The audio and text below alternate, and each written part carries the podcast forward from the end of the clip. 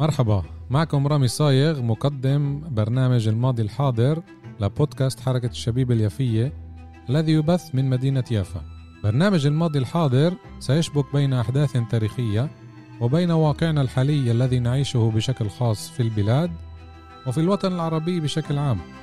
سأستضيف من خلال البرنامج شخصيات يافوية وفلسطينية للبحث في هذه الأحداث.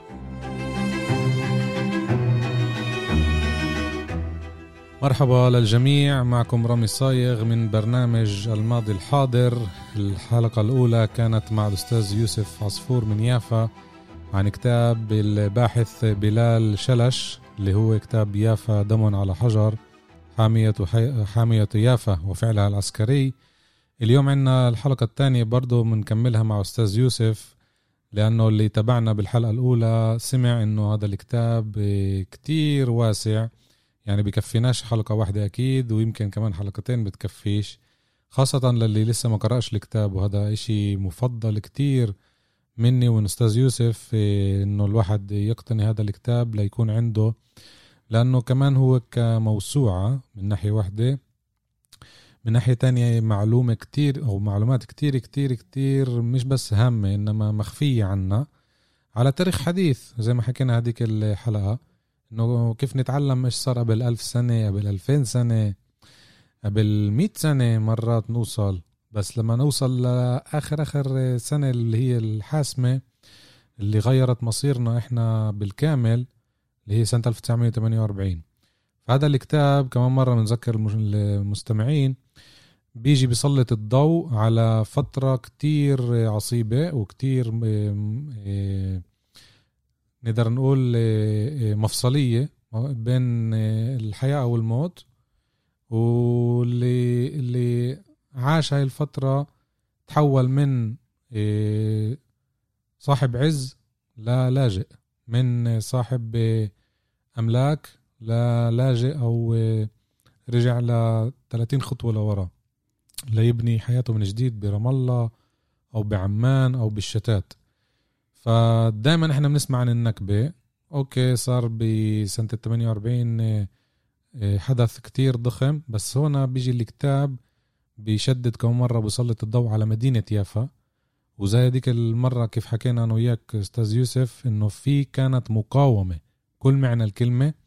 وبشكل خاص بشهر شباط سنة 48 تتنظم الحامية العسكرية تبعت يافا بقيادة عادل نجم الدين القائد العراقي.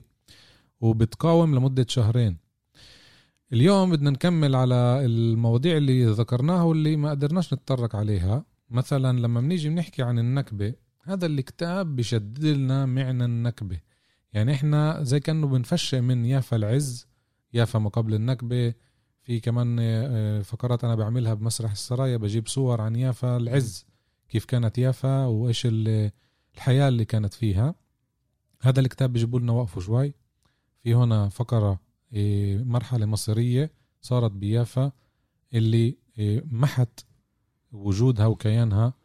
بس قبل ما تنمحي كان في مخطط واضح من قبل الصهاينة اللي حاصروا مدينة يافا ابتداء من قرار التقسيم. حطوا خطة قدامهم إنه يافا حتى لو الأمم المتحدة بدها إياها تكون فلسطينية إحنا بدناش. كيف انت بتشوف المسيرة هذه اللي هلا حكينا عنها؟ إيش نقدر نشدد كمان للمستمعين عن الفترة هاي ما بين شباط لنيسان؟ تعال حتى لإيار. أوكي. أول شيء شكرا لك صح أنت حكيت آه، كلام جوهري إنه بحكي فيه عن معنى النكبة بتفاصيلها. يعني راح أدي أكم من آه، حدث أو أكم من أسماء أكم من اسم مذكورين في الكتاب. وبالذات في الجزء الأول وشوي صغيرة بالجزء الثاني. ف واحد من من من يعني لما نيجي نحكي عن نكبة إحنا مش بس نحكي عن احتلال إحنا بنحكي عن عن عن مرحلة طويلة اللي امتدت ولازال موجودة. وبنشوفها واضحة جدا في الكتاب مثلا على سبيل المثال.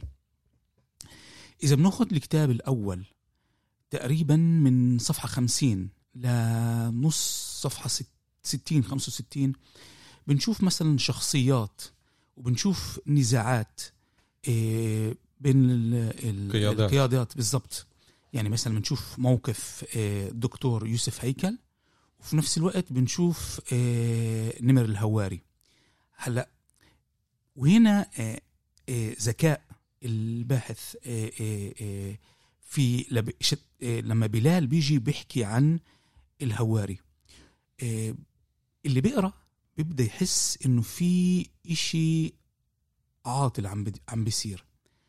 هذا الإشي في وقته في وقته يعني في في في هاي الفترة في آه، بداية تعال نقول آه، ربيع 1948 بتبدا تحسها بالكتاب فجأة شوي شوي مع مرور الزمن تصير تشوف تبحث أو تشوف مين هذا الشخص. يعني تشوف مثلا الهواري من مواليد 1908 إيه، تعلم محاماة أجا عيافة وفجأة بيروح على على الأردن وبين الأردن ب 52 برجع إيه، عن تاني على فلسطين بس بتشوف كمان إشي اللي انتبه لإله إيه، الباحث بلال شلش وهو إنه التعاون ما بين ما بين الهواري والهجنة وبتشوف كيف إنه إذا بتحاول تدور على مصادر باللغة العبرية بتشوف إنه الأشياء هاي موجودة. فهاي واحدة من النقاط الهامة اللي موجودة موجودة في النكبة.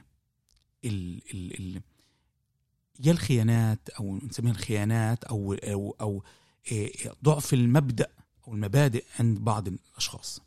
نقطة تانية بنشوفها مثلا في الكتاب الثاني بالكتاب الثاني اللي, اللي فيه اليوميات إنه بنشوف وبالذات في مناطق زي زي منطقة آه، مصنع السبيرتو أو مناطق تل الريش إنه آه، عصابات الهجنة. وحتى في مناطق تانية في أبو كبير بعصابات الإتسل بتنادي المقاتلين بأسمائهم. بتنادي المقاتلين بأسمائهم. فبنشوف قديش الكتاب هذا مش بس بحكينا عن عن الاحتلال بس بأدينا كمان نقطة كتير مهمة. هي نقطة النقد الذاتي. بالضبط. وزي ما انت بديت بالحديث انه إحنا بنحكي دائما عن أمجاد. تعال نحكي عن الأشياء اللي هي سيئة موجودة فينا. فبنشوفها على مدار الكتابين. من خيانات من تسليم أسامي من محاولة آه، خروج أو محاولة آه، آه، ترك الخدمة لبعض الجنود. مش رح أكمل لأنه بدي إياكم تقروا لأنه الإشي كتير مهم. أكيد أنت ذكرت على موضوع الهواري أنا كمان طبعا قرأت الكتاب بس في هيك هلأ بما إنه إحنا ب 2020 نقدر نحلل من الزاوية تبعتنا بنقول يمكن الهواري ما كانش خاين يمكن كان له فكر تاني وهيك كاتب كمان طبعا بالكتاب إنه أساس الفكر تبعه الهدنة. يعني تعال ما نسبقش الأحداث ما تتدمرش يافا تضلها مصانة محافظ عليها ونعمل اتفاق مش بس مش بعد ما تتدمر زي ما صار بالفعل. أه. لما أبو لبن وندراوس وكل اللي بكيوا بالبلد ختموا الاتفاقية هي مع الهجنة بعد ما تدمرت يافا. يمكن هذا كان براسه للهواري ما نقدرش نعرف. هذا السؤال كمان. آه الجواب له هو هيك إنه حكينا عن مصطلح ألماني قبل قبل لقاءين إنه اللي هو ساد جايز إنه نعرف شو ال ال الشعور أو شو الانتماء كان في هذيك الفترة. وإحنا كنا بنعرف منيح منيح انه إنه المعسكر الفلسطيني كان منقسم منقسم يعني بين ناس مع إيه، حسيني. الحسيني وناس مع النشاشيبي ناس مع إيه، حسن سلامة وناس مع في النهاية بنضموا للملك عبد الله ملك الأردن. و ودائما الأشياء هاي هي كتير مهمة في في في الذاكرة تبعتنا إنه إنه وعلى فكرة كان في كمان طريق ثالث. إذا أنت انتبهت في الكتاب بيذكروا خليل شنير. خليل شنير هو يفاوي. هو كان من آه، من الحزب الشيوعي الفلسطيني في هذيك الفترة. ففي عنا الحزب الشيوعي الفلسطيني عندنا عصبة التحرر الوطني عندنا جماعة النشاشيبي عندنا جماعة الحسيني عندنا جماعة مو- موالية لملك الأردن. وشوف زخم. الصراع هذا الزخم هذا. وأنت بحالة وأنت موجود بحالة حرب.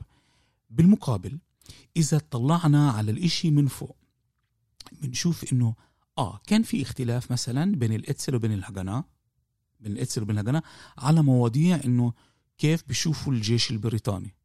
أوكي؟ بس بنشوف كيف إنه في نهاية المطاف ال- الطرفين حققوا الحلم الصهيوني. بينما بينما كل الأطراف كل الأطراف الفلسطينية ما قدرت تحقق مطالبها. وهاي كمان نقطة تانية بالكتاب. إنه مش بس إنه ما كانت في قيادة موحدة بجوز إحنا إيه، ظلمنا إنه قلنا متعاونين أو خونة بس مش هذا هو القصد. القصد هو إنه نصور أو إيه، نحاول نوجه ال- ال- القارئ إنه الاختلافات الهائلة اللي كانت موجودة وعلى فكرة أغلبها مبنية من ضعف من ضعف. لأنه تعال نفكر شوي صغيرة منطقيا. يعني تعرفوا إيش؟ تعال ناخذ الإحصائيات الصهيونية مش الإحصائيات الفلسطينية. هل يعقل؟ هل يعقل؟ 35% من السكان ياخذوا 55% من الأرض؟ هل يعقل إنه 65% من السكان ياخذوا بس 45% من الأرض؟ وهل يعقل إنه بال 55% من الأرض فيها أغلبية فلسطينية؟ عشان هيك المواقف اللي نادت للهدنة ال- المواقف اللي نادت لدولتين كانت مواقف غير مقبولة على الناس غير أكيد. مقبولة على الناس. وه- وهي هي قوة إنه تعيش الفترة تعيش الفترة. زي اليوم يعني مزبوط إحنا بنحكي عن حامية يافا بس كمان اليوم الفلسطيني موجود بهذا الصراع. صحيح. الصراع هذا ما وقف ولا مرة ولا راح يوقف لحديت ما الفلسطيني ياخذ حقه. صحيح. إحنا زي ما قلنا الماضي الحاضر وهذا بالضبط اللي آخر جملة قلته. الانشقاق اللي صار بين فتح وحماس من شي 10 سنين تقريبا بطلنا نعد حتى 2007 2007 13 سنة. ناهيك عن إنه الفلسطيني من زمان مشتت. هذا ذكرني بمقولة لدكتور عزمي بشاره بواحده من محاضراته الجديدة يعني. قال إيه، في مصطلح عنا طلع اللي هو كردنة فلسطين. يعني إحنا صرنا زي الأكراد. في أكراد تركيا في أكراد فارس في أكراد العراق في أكراد سوريا. أكراد سوريا. إحنا صرنا زي الأكراد يعني في فلسطينيين الداخل اللي هم إحنا في فلسطينيين ال 67 غزة صاروا كمان مقسمين الشتات يعني هذا الإشي اللي أنت هلأ ذكرته بالضبط بنحكي عليه إنه الماضي لساته حاضر فينا والحلو بالكتاب الحلو بالكتاب إنه إحنا مزبوط بنحكي عن تشتت هذا بس الكتاب هذا بيجي بيقول لك لا. ما كان يعني بالرغم إنه كان في قاده سياسيين اللي كل واحد فيه بحاول يشدك شمال يشدك يمين بس طلع عدد الهائل اللي انت انت يعني عم تذكره آه وذكرته قبل قبل اللقاء الناس اللي اجوا من برا الناس اللي اجوا من جوا. الناس اللي اجوا من بريت يافا والناس اللي اجوا من من مناطق عديدة في داخل فلسطين ومناطق تانية بتقول إنه الناس الناس الشعوب الشعب لسه بآمن بقضيته. بالرغم منه القيادة متفقة. مش متفقة. بالضبط بالضبط. هلا في انت ذكرت على الهواري بدي اخذ اقتباس صغير بيع- بيعكس لنا الوحدة كبداية. بالجزء الأول من الكتاب زي ما انت ذكرت حتى بالتحديد صفحة 57 قلنا هيك ألف الهواري بعد تكليفه من الهيئة العربية العليا. مجلسا لإدارة شؤون الأمن في المدينة. أطلق عليه مجلس الأمن. هذا بيافا. واتخذ مقرا له في دار النادي الرياضي الإسلامي. هذا اليوم من شارع جديروت النزهه وعين محمد حسين الفرة. من مواليد السبعة وعشرين توفى 2009 أمين سر للمجلس. ويشير الهواري أن إلى أن المجلس ضم عشرين عضوا وانبثقت منه لجان مختلفة للدفاع وللحراسة وللإسعاف والتموين والمواصلات والاستخبارات. والمجلس تسلم مسؤولية الأمن في جميع أحياء المدينة باستثناء جهة أبو كبير التي كانت تنحصر فيها أعمال اللجنة القومية. يعني هنا في فقرة تعكس لنا عاد الوحدة كبداية لدفاع مدينة يافا عن مدينة يافا. على فكرة جملتك آه، الجملة اللي قلتها بتعكس لنا كمان إشي اللي كمان يعني أنت وطبعا آه، بلال آه، شلش بيحكي لنا إنه في كل فترة في كل فترة من فترات الحروبات أو النزاعات بين الطرف الصهيوني والطرف الفلسطيني دائما كان عندنا هاي الأشياء موجودة يعني لو نأخذ مثلا على سبيل المثال الحرب الأهلية في لبنان. الانشقاق اللي صار بين فتح وفتح آه، آه، الثورة أو العاصفة آه، نأخذ مثلا حرب المخيمات نأخذ مثلا اليوم الموقف في اليوم الفلسطيني من الثورة السورية نفس الشيء فدائما في في عندنا الأشياء هاي موجودة.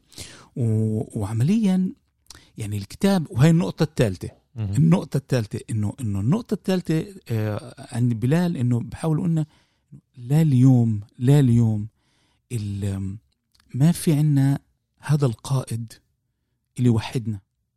هذا القائد أو هاي هاي المجموعة اللي توحدنا. إنه ما نكون كل قد مفرقين.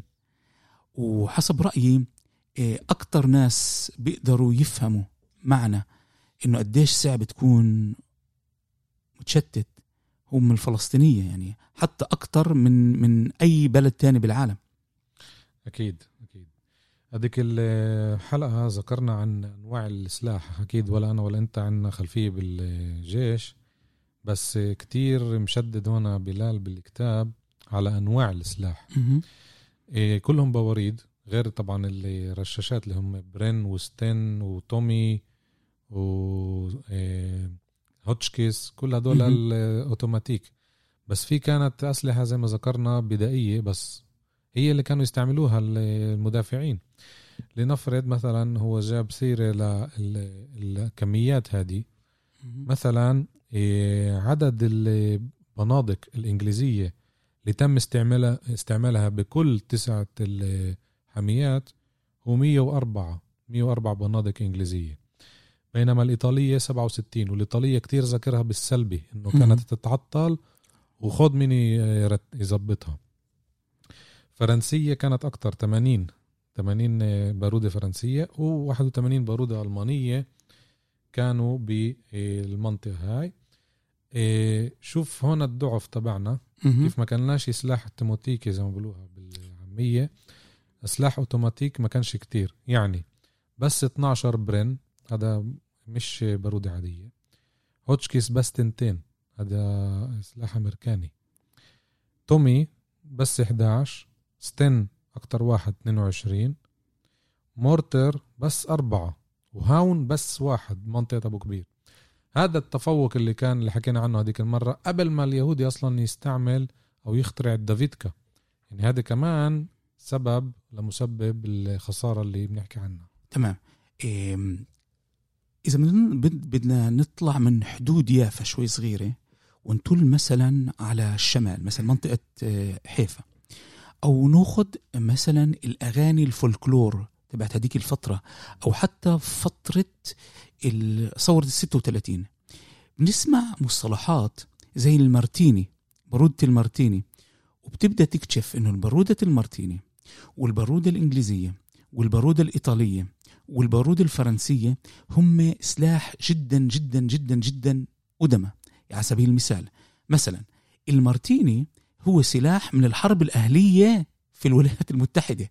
وتطور 19 بالضبط. وتطور واللي حصلوا عليه الفلسطينية الفلاحين الفلسطيني بالذات الفلاح الفلسطيني لأنه ما كان يقدر يشتري هذا السلاح. هو سلاح من سنة 1870 بالسبعينات الثمانينات. إيه، بالمقابل تعال نشوف إيش صار. ذكرين اذا أو أذكرك إحنا مشينا على محور زمن. مشينا على محور زمن بيبدأ بشهر تنين ثلاثة أربعة لما بشهر إيه بعد شباط بشهر أربع إيه أذار ن- بنيسان في عنا الكسر هاي ال- الإشي ننشأ تعال نشوف إيش بصير إحنا ذكرنا سلاح سلاح أمريكي إنجليزي فرنساوي وإيطالي. ألماني وألماني. انتبه شو بيصير؟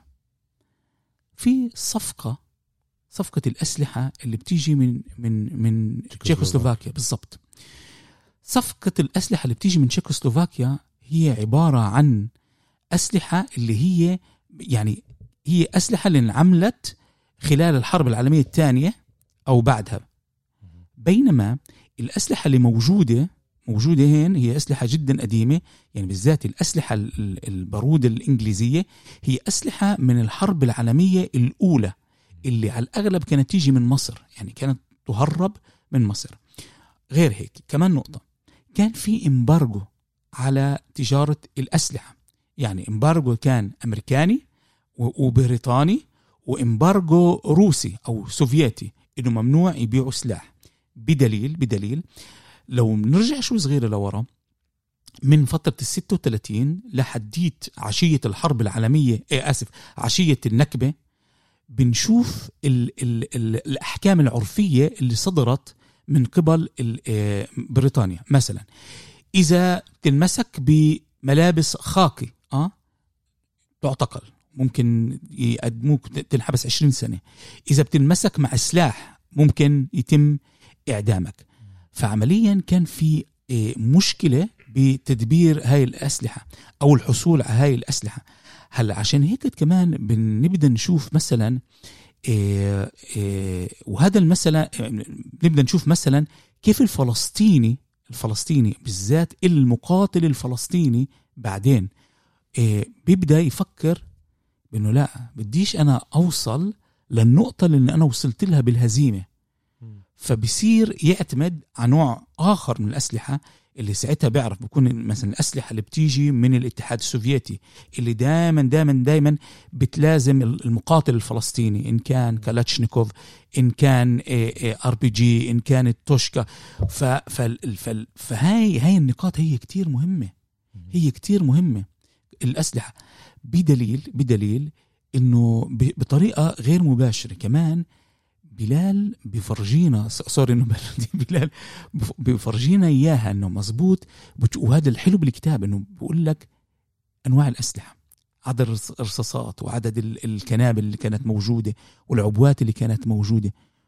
وإذا بتطلع بال 2020 لليوم كل تجارة أسلحة أو أي صفقة أسلحة ممكن تشكل خطر على إسرائيل إسرائيل بتعرض لها. لليوم يعني شوف شوف حكمة الكتاب هذا وعبقريه الكتاب هذا. إنه الكتاب هذا بأديك أشياء اللي هي بداية بتقول للقارئ اقرأ افهم حلل توصل للنتيجة.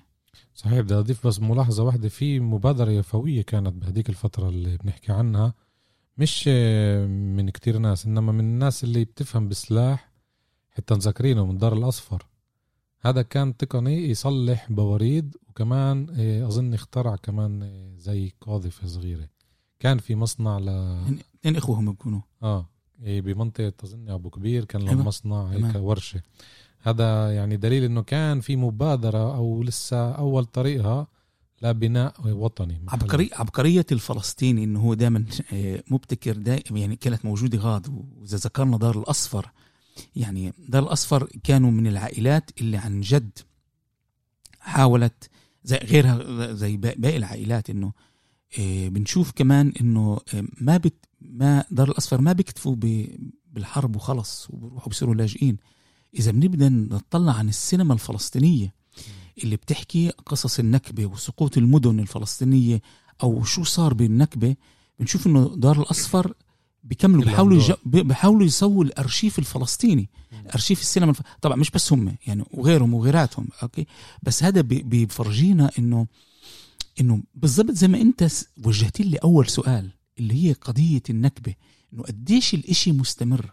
إنه أنت عم بتحاول تقاوم يعني قاومت أنت الفلسطيني عنده آه، آه، ميزة على فكرة وبنلاقيها بالكتاب هذا إنه okay إحنا بنخسر معارك بس إحنا ما خسرناش الحرب. اليوم في الإيمان هذا إنه إحنا بنخسر معارك بس إحنا لسه ما خسرناش الحرب. بدليل إنه لليوم ال ال ال حلم العودة موجود. الحلم العودة موجود. وبنشوفه بالكتاب هذا. صحيح. زي ما ذكرنا كتير إنه إيه، الكتاب بيشدد على إيه، المقاومة اليفوية. كسرنا لكذيب بهديك الحلقة لكذيب الصهيونية. وشفنا إنه يافا قاومت بس من ناحية تانية كان الهجوم عليها بشكل يومي وبالقليلة ثلاثة أشهر. يعني إحنا ما ذكرناش قبل شهر شباط بس كان طبعا. والكل ذاكر التفجير بالسرايا أربعة واحد. والتفجير بالنزهة كمان. يعني كانت من وقت قرار التقسيم من شهر 11 تعال نقول من أول شهر 12 ست سبعة أشهر مش مقاوم مش مقاومة. إنما أنا صرت كمان أحللها إنه هذا استنزاف. يعني اليهودي قاعد بمنطقة تبعته إن كان بخولون يعني وانتل الريش إن كان ببطيام والقرية العربية أو سكن الدرويش أو كرم صوان أو الجبلية. إن كان بشمال المنشية واليوم تل أبيب تحليلي أنا كان إنه اليهودي بقول sooner or later رح نربح العربي. لأنه أنا بضلني أضربه بضلني أضربه. بده يصدني بصدني. okay برجع بتراجع. كر وفر. هذا اللي كان وخاصة بشهر اثنين لشهر أربعة. فبتشوف إنه عن جد هذه الفترة مش بس كانت عصيبة يعني كانت شبه مستحيلة إنه ما تسقطش يافا عشان هيك نرجع لورا ونقول إنه في شخصيات يمكن صادقة كانت إنه تعالوا يا عمي نتجنب المقاومة مش نستسلم. هنا في عنا مرات مشاكل بالتحليلات تبعتنا بنحط يا أسود يا أبيض. صح. ولا مرة بحطوا الرمادي. أنا بفكر إنه مرات كتير بحياتنا لازم نستعمل الرمادي أو التوازن تعال نقول له.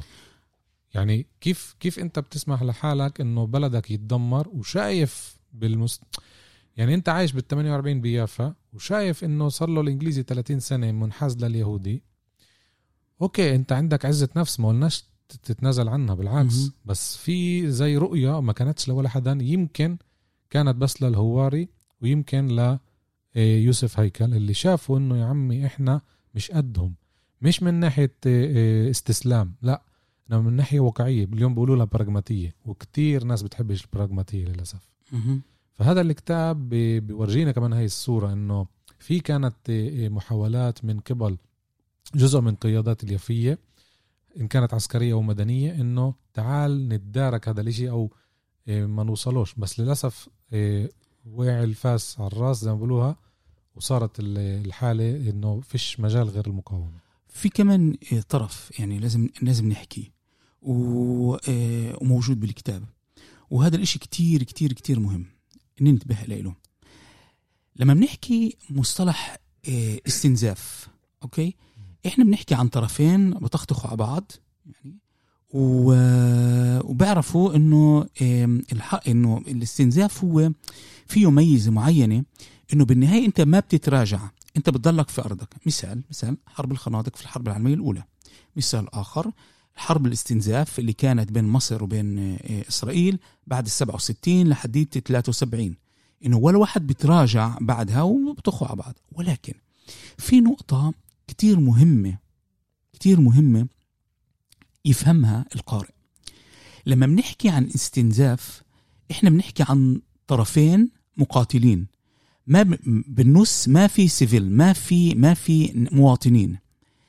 بكتاب وبخصوصا بالكتاب ال- الأول بالكتاب الأول وببداية الكتاب الثاني بنشوف سلسلة من العمليات اللي هي مش مش قناصين. ولا طخ. إنما هي تفجيرات. مثلا على سبيل المثال تفجير بيت دار. عيد عيد شقرة. مش بس هيك. لما بيخترعوا المدفع اللي بي- بيصير يضرب على يافا دافيدكا. بالضبط. من منطقة منطقة آه، آه، مصنع السبير.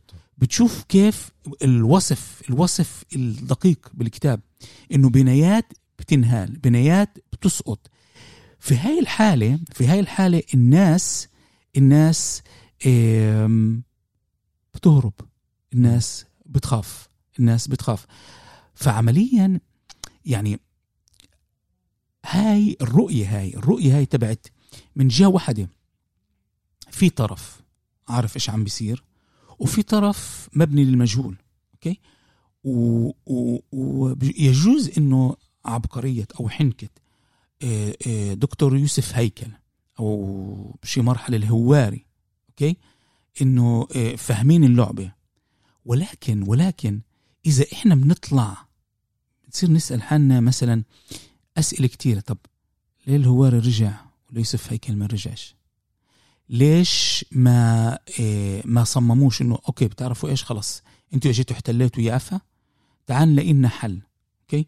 أو إيه أصحاب هذا القرار. فهذا بس بثبت هلا أنا مش جاي مش جايين كمان مرة زي ما أنت قلت بالبداية نتهمهم بالخيانة أو شيء لا سمح الله. بس فرجي قديش الحركة الصهيونية قالت أنا بدي أحتل أحتل مدينة يافا. وعلى فكرة اللي بيروح إذا إحنا هنا موجودين مش بعيد عن هين في المتحف تبع ال- الإتسل. بتخش جوا غاد وبفرجيك إنه كيف إنه بشي مرحلة لما القادة هربوا اجوا أجت اجوا لل- للإنجليز إنه تعال نطلع من هايهم طلعوا فيش مع مين نقعد فأخذنا يافا مع إنه قعدوا مع الهجنة اليفوية اللي بقيوا بتل ابيب وختموا ال- المستند هذا اللي الكل ذاكره بس اللي ختموه كان مش است... مش استسلام بمعنى الاستسلام بالعكس حماية ليافا مذكورة هاي الكلمة مدينة مفتوحة. بس طبعا اليهودي اللي خالف هذا الشيء ممتاز. ما هي ما هي ما هي هي هي هي هي انه إنه بحرب يعني يعني اللي أنت قلته صح. اللي أنت قلته صح. بس أنت كمان ضفت كمان إشي. يعني أنت كمان جاوبت جاوبت على السؤال وبعدين سألته إنه خلص كان معروف إيش بدهم. معروف إيش إيش إيش السياسة هاي. معروف كل قضية ال- آه، بدليل بدليل إنه آه، هي مذكورة الخطة هاي خطة دال بالكتاب بس آه، آه، مجبورين مثلا شوي صغير نذكر بس المستمعين إنه خطة دال هي القطع الر- اسمها قطع الرأس عن الجسد آه. إنه تعال نقطع يافا عن المحيط تبعها على الإمدادات تبعتها عشان بدنا يافا. نحتلها. أكيد طبعا الكرة يافا سقطت قبل عشان هيك هذا المخطط كان واضح. نرجع شوي آه، سلط الضوء شوي على اللي, اللي كتبه بالفصل الأول على اللي أنت برضه ذكرته عمليات النسف مهم. العربية تجاه اليهود. يعني من واحد شباط عنا ل 26 نيسان 44 عملية نسف. يعني هاي آه، جزء من المقاومة بنفع نقول مش الدفاعية. يعني كان في طبعا عنا من جهتنا آه، كتير حالات جت آه، تعال نقول آه، مش دفاع إنما هجوم. هجوم صح. وهذا جزء من الهجوم يعني نسف عمارة كتير انذكر هنا. والمناطق المذكورة أبو كبير المنشية كرم سوان الجبلية البصة إيه بيعيدوا عن نفسهم طبعا عشان هيك برجعش بقول. إيه المذبح في عنا كمان إيه نسف محددة ومعمل سمك. إيه كمان حمو طاسو وحمو إيه البصة ذكرناها. يعني كل حامية تقريبا انذكرت. كان فيها نسف يا منزل يا عمارة. في هنا مثلا ب 25 شباط بالمنشية كان أكبر حي. نسف أربع عمارات من قبل الفلسطينيين. إيه، في نسف استحكامين بمنطقة المذبح. وعلى سيرة المذبح إذا بتعطيني مجال بدي أذكر إيه، إنه المذبح إيه، قبل قبل ثلاث أسابيع رحت أشوفه. المبنى لسه موجود. من قبل كم من شهر حتى نعبش يعني أشوف وبعرف إنه المبنى ما انهدمش من قبل ما نقرأ هذا الكتاب. إيه، وعرفت إنه هذا المبنى اليوم أو من سنين تحول لمدرسة إسرائيلية إيه، ابتدائية. رحت قبل أسبوعين ثلاثة أفتش عليه للمبنى. اتضح إنه اليوم موجود بكريات شالوم. هاي الكل بسمعها يعني بيعرف كريات شالوم. بس بيعرفش أبو كبير مثلا. للأسف. موجود بداخل داخل كريات شالوم اليوم. يعني حتى ببينش. بدك تفوت جوا الحارة وتصف السيارة شوي بعيد لأنه الشارع مسكر بس للمشاة. نزلت طفيت السيارة مشيت لاتجاه المدرسة. المبنى لسه قائم. بس إيش غيروا له معالمه؟ بالواجهة بنوا المدرسة. إيه مدخل المدرسة. يعني الساحات ملاعب الكرة قدم كرة السلة. يعني الواجهة تبعته يا دوب مبينة بس النصف العلوي والمبنى كمبنى لساته موجود. ف إيه، هذا هيك زي كأنه بخلي لنا أثرات إيه، للأماكن اللي عم نقرأ عنها واللي قرأنا عنها واللي كانت تحت عينينا وما ننتبهلهاش. للأسف لأنه باقي الحاميات يعني سألني بلال لما صورت له مرة الحامية تبعت بطيام لأنه بالضبط يعني جنب شارع بلفور لليوم موجودة. بقول لي فيش ولا حامية يفوية. بقول له للأسف لا. فالوحيدة اللي ضلت هي المذبح. باقي الحاميات اجى أكيد اليهودي نسفهم على أساس إنه يمحي كمان تاريخ المقاومة. يعني عشان ما يورجيش إنه كانت مقاومة هنا صح. فإذا بتعطيني بس هيك كم من ثانية بدي أذكر بالكتاب الثاني بالجزء الثاني اللي مذكور فيه اليوميات. يعني كل يوم إيش كانت تكتب مهم. الحامية. تمام. وهذاك هذيك الحلقة انت ذكرت انه في اشي حلقة مفقودة هلا رح نحكي عنها. وأنا لقيت الحلقة المفقودة أو إمتى بدت تنفقد. بالتاريخ 26 نيسان 1948 كان آخر تقرير من منطقة المذبح لأنه بعده بيوم وبيومين وبثلاثة لحد 30 نيسان مكتوب التقرير مفقود. يعني آه، يمكن هاي موجودة بس إنه حاليا مش تحت إيدينا. فكتير حبيت أقرأ هذه اليوميات من منطقة المذبح والملاحظة اللي دائما بكتبها بلال اللي هي التفاصيل الصغيرة هاي. قبل ال- اليوميات إيش مكتوب بالتفاصيل؟ استهلك من الذخيرة في منطقة المذبح وفقا للتقرير 1500 طلقة متنوعة يعني مش بس إنجليزية. وطلبت 500 طلقة إنجليزية 600 طلقة فرنسية 600 طلقة ألمانية 500 طلقة إيطالية 30 طلقة نمرة تسعة هذا فرد على فكرة. نمرة تسعة يعني شوف كيف كانوا كمان يحاربوا بسلاح مش للجيش إيه تل خمسين قنبلة يدوية ميلز عشر كلا- كنابل سيلبند ومحقنان سيلبند مهم. هذا اللي طلبوه عشان تشوف قديش صرفوا لأنهم صرفوا 1500 طلقة بيوم واحد. كميه هائلة. عشان هيك أنا قعدت أفتش قبل التسجيل على آه، المصادر هذه اللي كاتبة كل حاميه قديش صرفت مهم. بالشهرين. إذا مش غلطان صرفت فوق ال يعني مئات آلاف الرصاصات بخلال شهرين. في كمان نقطة. يا قصة الرصاص آم، بالصفقة تبعت الأسلحة اللي أجت من تشيكوسلوفاكيا. نحكي عن رصاص غاد عن ملايين عن على القليلة خمسة مليون رصاصة. خمسة مليون رصاصة ولسه يافا ما سقطت. خمسة مليون رصاصة ولسه فلسطين يعني كفلسطين ما سقطت. ف ف فهذا بس بأول اللي, اللي, اللي, اللي أنت بتحكيه. أم وعمليا يعني والحلو باللي, باللي انت قريته انه إحنا بفترة بفترة اللي هي الفترة هاي اللي ممنوع تجارة الأسلحة ممنوع مساعدة الأطراف حتى الأطراف اللي اللي مثلا الأردن اللي توجه لها أكم من مرة يوسف هيكل وبالبداية أخذ دعم وبشي مرحلة ووقف الدعم هذا بقرار أخذ بس 100 بارود آه. بقرار آه، آه، للأسف مش قرار عربي كان الإنجليز هم ال- هم ال- اللي يصمموا إن كان بالعراق أو إن كان في في في, في إنه بعد ما. ننسحب اعملوا تمام. إيش ما بدكم تمام تمام بالضبط. بالضبط وفي نفس الوقت عندك الطرف الآخر عم عم بتسلح هلا مش. ومش بس هيك مش بس هيك إنه بتشوف انه إنه الفلسطيني يعني اللي اللي اللي بيسمعنا بيسمعنا بيسمعنا بشي مرحلة بفكر إنه في حرب بين الحركة من الحركة الصهيونية وبين الجيش الجيش الفلسطيني. الفلسطيني أو مقاتلين فلسطينية بس اللي بيقرا بالكتاب بشوف إنه في عنا مقاتلين فلسطينية عصابات صهيونية وعنا جيش بريطاني اللي بيحاول منحاز. بالضبط إنه مثلا زي شارع العالم شو شو المذبحة اللي بيسووها الإنجليز في حي المنشية أو مثلا في بعض ال- ال- ال- المصادر وهي كتير حلوة حك- بحكي حكيتها هذه المرة اللي فاتت وبحكيها كمان مرة اليوم. اللي بيقرأ الكتاب يا ريت يقرا يقرأ ال footnotes يقرا المصادر بكل في عندنا صفحات اللي فيها مصادر أكثر من من من اللب وهذا كتير منيح. بتشوفوا كيف انه إنه الجيش الإنجليزي ما كان يدخل شبيرة. وانت ذكرت قبل شوي انه الحرب الجامدة كانت في أبو كبير. مزبوط اللي هي متاخمة متاخمة.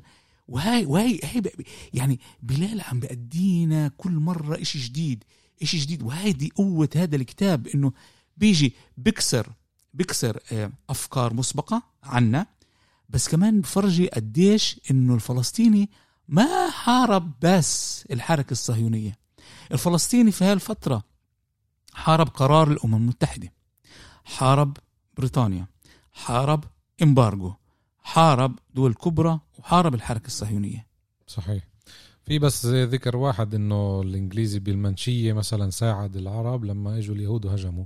هاي بأواخر آه، بأواسط اذار ذكر هيك تحدث واحد من بالضبط. بعد الاتفاقية بين الهجناء بين الهجناء وبين ال ال الجيش البريطاني إنه إنه إحنا جايين نحمي آه، العرب من الإتسل من الإتسل أو آه. في هذا هذا واحد من لا واحتراما لقرار التقسيم بالزبط. الإنجليزي برضه. مش مش لسواد عيوننا ولا لا لشيء تاني. فبدي أقرأ بس عشان شيء كتير كتير مميز. هو آخر آخر آه، آه، يوميات من منطقة المذبح. في الساعة الرابعة مساء شاهد مناضلون بعض اليهود يتجولون حول استحكاماتهم جهة شابيرا. هاي اللي ذكرتها. فأطلقوا عليهم النار فقتلوا ستة يهود مسلحين. وحوالي إيه، الساعة الرابعة والنصف أيضا شاهد المناضلون اليهود في استحكاماتهم الشرقية جهة سكة الحديد. يعني تقريبا إيه، تقريبا بيجي بالجهة بالجهة الشمالية لمنطقة شابيرا شابيرا بالضبط. فأطلقوا عليهم النار فقتل أيضا يهودي واحد فحاولوا أن يجروه ولكن المناضلين لم يمكنوهم من سحبه. حتى أسدل عليهم الظلام. وحوالي الساعة الرابعة والنصف صباحا يعني طلع كيف 24 ساعة دير مدور يعني ما كانش في استراحات. هاجمنا اليهود من جهة شابيرا مرة أخرى واستعملوا في هجومهم كنابل السلبند والأسلحة السريعة وقابلهم مناضلون بإطلاق النار عليهم ودام الاشتباك نصف ساعة انسحب بعدها اليهود ونعتقد أننا أوقعنا بهم إصابات. وفقا لبيانات الهجناء قتل في شابيرا أري إدلر مواليد سلوفاكيا برصاص قناص. هاي آخر يوم آخر إيه آه آخر يومية كتبها بمنطقة المذبح. تمام. هلا إيه إذا بنحاول نفهم ليش وقف هين؟ وهذا تخميني. أنا ما ما قبلته لبلال بس هذا تخميني. بلال اعتمد كتير كتير على مصادر اللي كان مسموح له إيه يلاقيها آه؟ مصادر زي آه، يوميات زي جرايد آه، الصحف اللي كانت. وإذا بنطلع على آه، ما يسمى المكتبة الوطنية في إسرائيل الموجودة في القدس غاد بنلاقي الجرايد اليومية بتنتهي بشهر أربعة.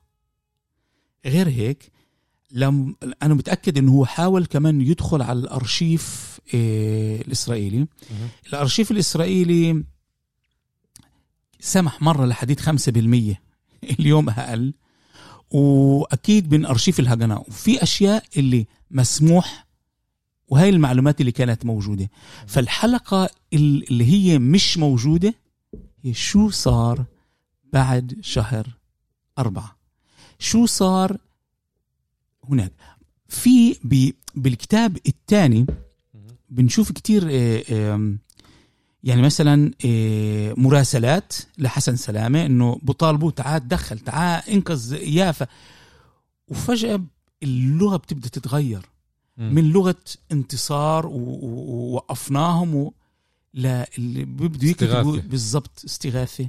وبشي مرحلة إنه وين السلاح راح؟ استهلك ما كانش في يعني التصرفات فهي هي فبوقف غاد. الاشي بوقف هلا في كمان يعني إشي بذكره وهذا إشي كتير حلو. عند بلال إنه حتى لو كان في سرقات كان يعني بحكي لنا يعني حتى لما كان في مثلا أسلحة تهرب مثلا أو يسرقوا سلاح أو رصاصات وفيها غاد قصة عن واحد باخذ الأسلحة وبحاول يسرقها لمدينة اللد وبنمسك وبرجعوا السلاح. ف إيه بتهيألي إنه الشهر هذا الشهر هذا شهر أربعة والحلقة الناقصة هي هاي الفترة اللي فيها الناس بتبدأ تهرب. الاشياء اللي كسرت ظهر بالضبط. وهاي الفترة اللي ذاكر أنت قلت لي موقف آه، يوسف هيكل ونمر الهواري. في هاي الفترة تبدأ تقول بالضبط بالضبط بالضبط. لأنه لأنه آه، الفكرة كانت إنه الكل بده يقا يعني يعني ب- ب- بيديك إحساس إنه إيدك هي أنت أنت البطل. بس بيصير في إشي وهو هاي ولازم يقروا الناس إنه كيف بننزل تنزل المقاومة بقل السلاح بقل الذخيرة والى آخره بس بضل ناقص إشي. بضل ناقص كمان أشياء اللي هي قصص. سمعناها من ناس من يافا. مجازر مثلا. في مذكرات بس مش كتيرة. إيش صار بالضبط بالضبط. والمذكرات هاي أو ال- أو الأحداث هاي مش بشهر أربعة. شهر خمسة بالضبط. وحتى بعد خمسة. وبتهيألي هاي الحلقة اللي بننادي فيها عبر عبر ال ال ال ال ال الميكروفون هين لازم يجي الباحث الفلسطيني يكمل هاي الحلقة أو يكمل ال- ال- الحلقة والحلقة يعني و- ويحاول يجيب لنا يجيب لنا ال- الأشياء الناقصة. إيه، ملاحظة على هذا الموضوع. بعد النكبة كان في آه، ذكر طبعا للي قلته ودكتور عادل نفاع. مناع؟ مناع. آه. إيه ذكر هذا الإشي بالكتاب. إنه كيف الإسرائيلي إيه ما كان لوش خطوط حمر لأنه انتصر خلص بيقدر يطخ أي واحد بالشارع. كانت فكرة- عمليات وعلى فكرة هاي. بتقدر ال- آه، يعني ال- مش بس كتب عادل مناع يعني حتى اللي بيجي بيقول آه عادل مناع فلسطيني. تعال نقرا دانياهف طهر هنشك. موجود الأشياء هاي موجودة. تعال نوصل ل- لمكاتيب. يعني اللي بدخل بدخل متحف الهجنة. بشوف إنه والمتحف تبع البلماخ بشوف إنه في رسائل رسائل بتم إرسالها لقيادة البلماخ وقيادة الهجناء إنه جماعة الإتسل عم بسرقوا عم بيغتصبوا عم بقتلوا ناس. هاي اللي ذكرها بن غوريون واللي ترجمها أو اللي كتب عليها مقال واحد إسرائيلي قبل شهر إنه اليهود حرامية. يعني بن غوريون بلوم شعبه إنه سرق. بس طبعا عارفين إحنا كفلسطينيين واعيين إيش اللوم تبعه. اللوم إنه ليش أنت تيجي تسرق الكرسي؟ أنا لازم أسرقه. أنا الدولة. وعشان هيك اللي بيمشي في يافا اللي بيمشي في يافا بيكتشف إنه في بعض البيوت وأنا بدعيكم آه بدعوكم أسف إذا مشيتوا بشارع الحلوة بشارع يافت وأجيتوا من اتجاه مدرسة ترسنتا لاتجاه آه آه، العجمي مثلا لقدام شوي. أول ما تمرقوا المستشفى الفرنساوي أول ما تمرقوه خدوا على إيدكم اليمين في درج لفوق. اطلعوا الدرج في بيت دار البيروتي. قصدك الإنجليزي. أيوه الإنجليزي الإنجليزي. آسف مش آه. الفرنساوي. آه، آه، مزبوط بتلاقي غاد دار البيروتي. دار البيروت جنبهم بتلاقي باب.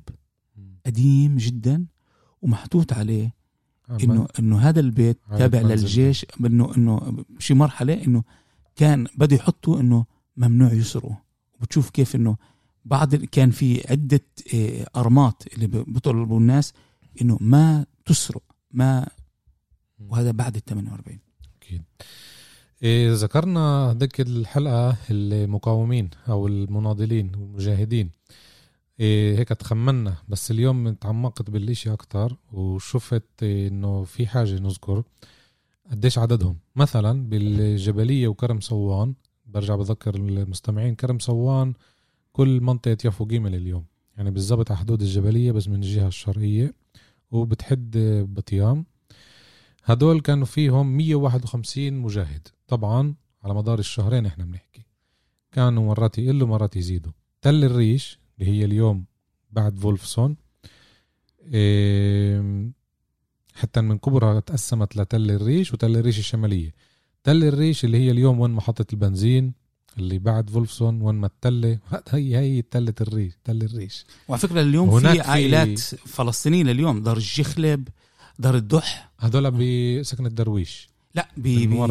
بي بتلاقيهم كمان في عندهم كانوا بتل تل الريش أنا. بعرف أبو شحادة. في عندهم آه، لليوم آه، بقايا من أملاكهم. ورا التلة. التلة نفسها على فكرة أنا غلطت في الحامية الفلسطينية بتل الريش. مهم. هاي الحامية الثانية اللي بقيت. تمام تمام. آه، آه، احتلها اليهود وما دمرهاش. آه، بيعملوا سنويا الاحتفال تبعهم بالذكرى النكبة. بيعملوا هناك الطقس هذا الاحتفالي إنه هنا آه، هون تصدوا قواتنا للفلسطينيين وهون احتلوا.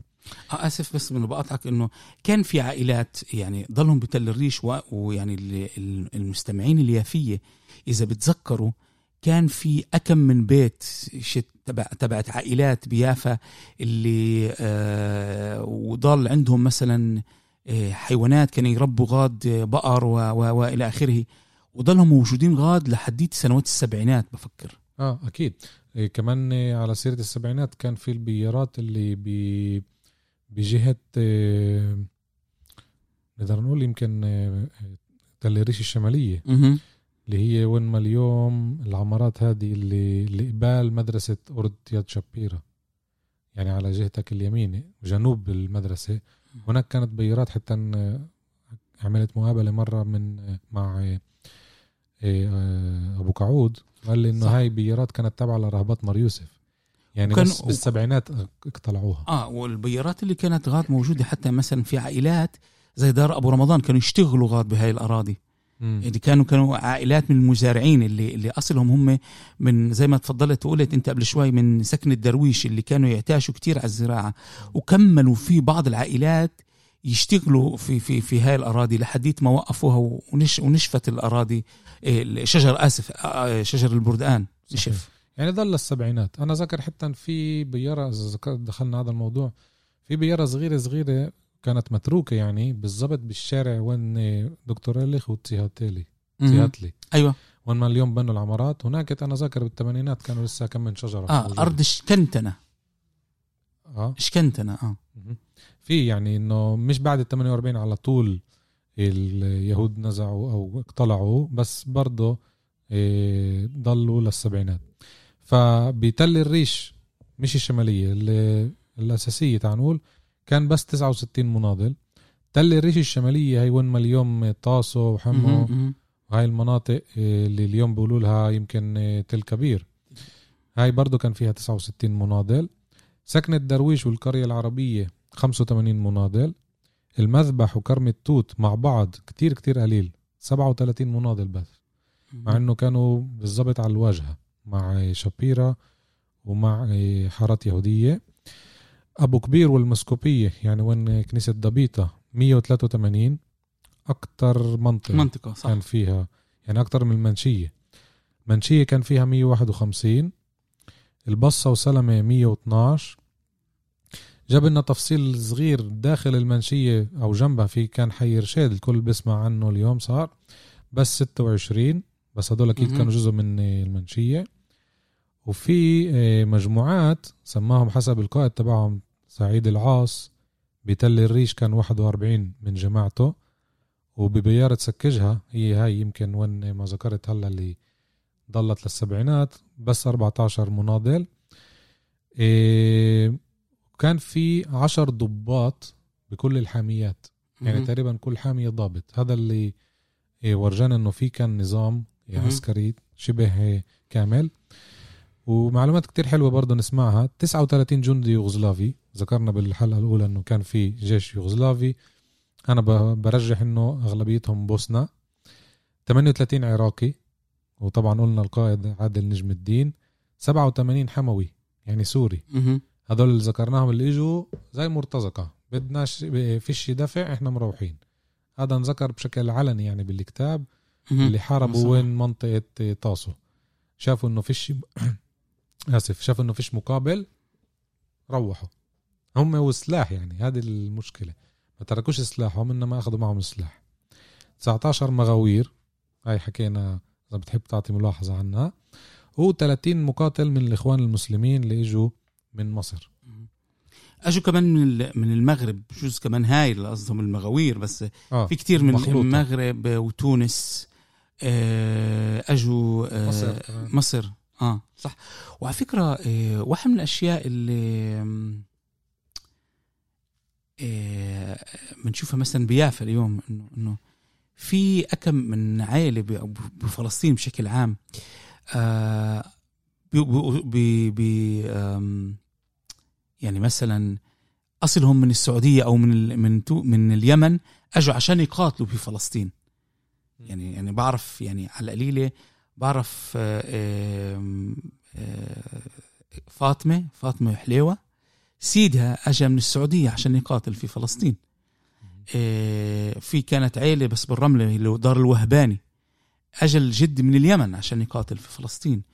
ومنلاقي أحفادها موجودين لليوم. حتى البحرين لما عملوا الصفقة في ذكروا إنه البحرين كانت آه، باعتة مقاومين بال 48 هذا مو موضوع يعني واسع أكيد مش رح نقدر نتطرق له سؤال أخير أستاذ يوسف نسكر الحلقة اليوم هل إحنا اليفوية تعال نشدد على اليفوية استوعبنا الهزيمة؟ لا. ليه؟ إيه اللي بدأ يستوعب يعني في قليل جدا بدوا يستوعبوها وباخد وقت طويل لأنه طول ما أنت عشان تقدر تستوعب الإشي لازم تتقبله اول شيء و ال هي هي النكبة عمليا. هي هي النكبة إنه لو إنه هي آه، آه، ربح وخسارة كان مفهوم مفهوم المعادلة هنا. بس هنا المعضله شوي صغيره أصعب أصعب بكتير بكتير. إنه ليش صعبة؟ لأنه لما في حرب وفي طرفين في حرب واحد بيخسر واحد بيربح وفي عندك اللي عندهم ال trauma تراومة الحرب.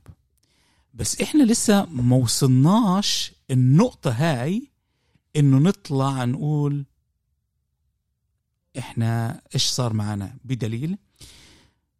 أنا وياك لما بدينا نقرأ الكتاب كانت لنا فكرة معينة. إنه wow آه يافا سقطت. okay. okay كان شوي فجأة بنكتشف أشياء تانية. فعشان نقدر نوصل لنقطة الصفر. الكتاب هذا هو اللي وصلك لنقطة الصفر. بخليك تسأل أسئلة. وبخليك مثلا تكتشف قديش أنت غلطان وقديش أنا بغلط وقديش أنا مش فاهم القصة صح. وجهة نظر ناس اللي بيقول لك يا عمي هاي هاي هاي الوراء هاي الثبت الأشياء اللي بدي أقدر أثبتها بال- بالبحث تبعي. وساعتها أنت بتقدر تفهم وساعتها بتبدأ تستوعب. فطول ما إحنا لسه ما استوعبنا هاي النقطة بتهيألي لسه ما صحينا منها. ما ما ما صحينا من من من آلام النكبة أو لسه ناقصنا كتير أشياء. وأقول لك حتى أنا اللي بفكر حالي بفهم شوي صغيرة. ناقصاني الحلقة هاي تبعت شهر أربعة خمسة ستة صحيح. عشان أقدر أقول واو فهمتها. القصد هنا إنه استوعبنا مش إنه يمكن في كتير استوعبوها بس من الناحيه الثانية اللي بدناش إياها إنه آه. استوعبنا وصرنا إسرائيلية. آه آه. مش هذا المفهوم تقبلنا. بالضبط. آه. لأن أنت بتحكي على الاستيعاب يعني استيعاب المعنى ال- الوطني القومي هنا؟ لأنه في كتير خلص أصلا بيعرفوش إيش صار بيافا يعني ساكنين بيافا وخلص. آه، الحس الوطني بالضبط الحس الوطني موجود بس بس إيه الكتاب وه- وهذا الحلو بالكتاب هذا. إنه هذا الكتاب بيجي بيقول لك دائما في مقولة إيه سوري راح أتوجه لإشي ذكوري هلأ. إنه ثلاث أرباع رجول الهروب إيه انهزمنا غلبونا إحنا كنا قطار وفشلنا. اجى الكتاب هذا وكسر كل الأفكار المسبقة هاي. مم. وأجا وقال لك كون فخور. أنت ما هربت. أنت ما سلمت. أنت انهزمت بالمعركة هاي وقصتها واحد اتنين تلاتة فأنت ما تركت وهربت دغري وأنت ما رفعت إيديك وهربت. لا أنت قاومت أنت كنت فترة زمنية معينة صحيح. انت المبادر أنت القوي. وهي قوة هذا الكتاب. صحيح. يعني الكتاب هذا حسب رأيي لازم يعني يدخل يدخل كل بيت. بالضبط. لازم يدخل كل مكتبة. بس وينقرا ولازم آه، ناس زي آه، بلال شلش يكملوا يكتبوا بهاي المجالات. وكل باحث يهتم بهاي الأشياء. وهي وهي وهي هي هي آم، مقولتي لليوم يعني. إنه إذا إحنا ما تخيل ما ما نعمل هذا الكتاب. ما هي هي بتضلها طول الوقت المفقودة و... و... بالضبط. بدك تسال حالك يعني يعني مجرد سؤال مجرد سؤال لا لكل يفاوي وكل يفاوية. اليوم يوم الجمعة فيش علينا أشغال. امشوا بشارع الملك فيصل أو انزلوا على المينا بتشوفوا فتخيلوا الناس كمية الناس اللي عم تهرب. يعني بتبدوا تفهموا إنه الألاف اللي هربوا مش عشانهم خويفة. الكتاب هذا بيجي بقول لك إنه كان موت مجزرة أو إطلاع. بالضبط فيش حل وسط. ما في حل أستاذ يوسف شكرا كتير استمتعنا باللقاء معك. هذا نعم. واجب. إيه زي ما أنت قلت إيه إن شاء الله إيه الكتاب لسه مش موجود مش متواجد بكثره بالبلاد. إيه أنا بتواصل مع إيه الأخ بلال لما يكون في أعداد جديدة بتفوت على المكاتب أكيد بنخبر من خلال إيه وسائل التواصل الفيسبوك أو الواتساب. شكرا كتير لك كمان مرة. إيه كان معكم رامي الصايغ من برنامج الماضي الحاضر إيه عبر بود بودكاست حركة الشبيبة الذي يبث من مدينة يافا إلى العالم أجمعه. شكرا جزيلا على الاستماع وإلى اللقاء.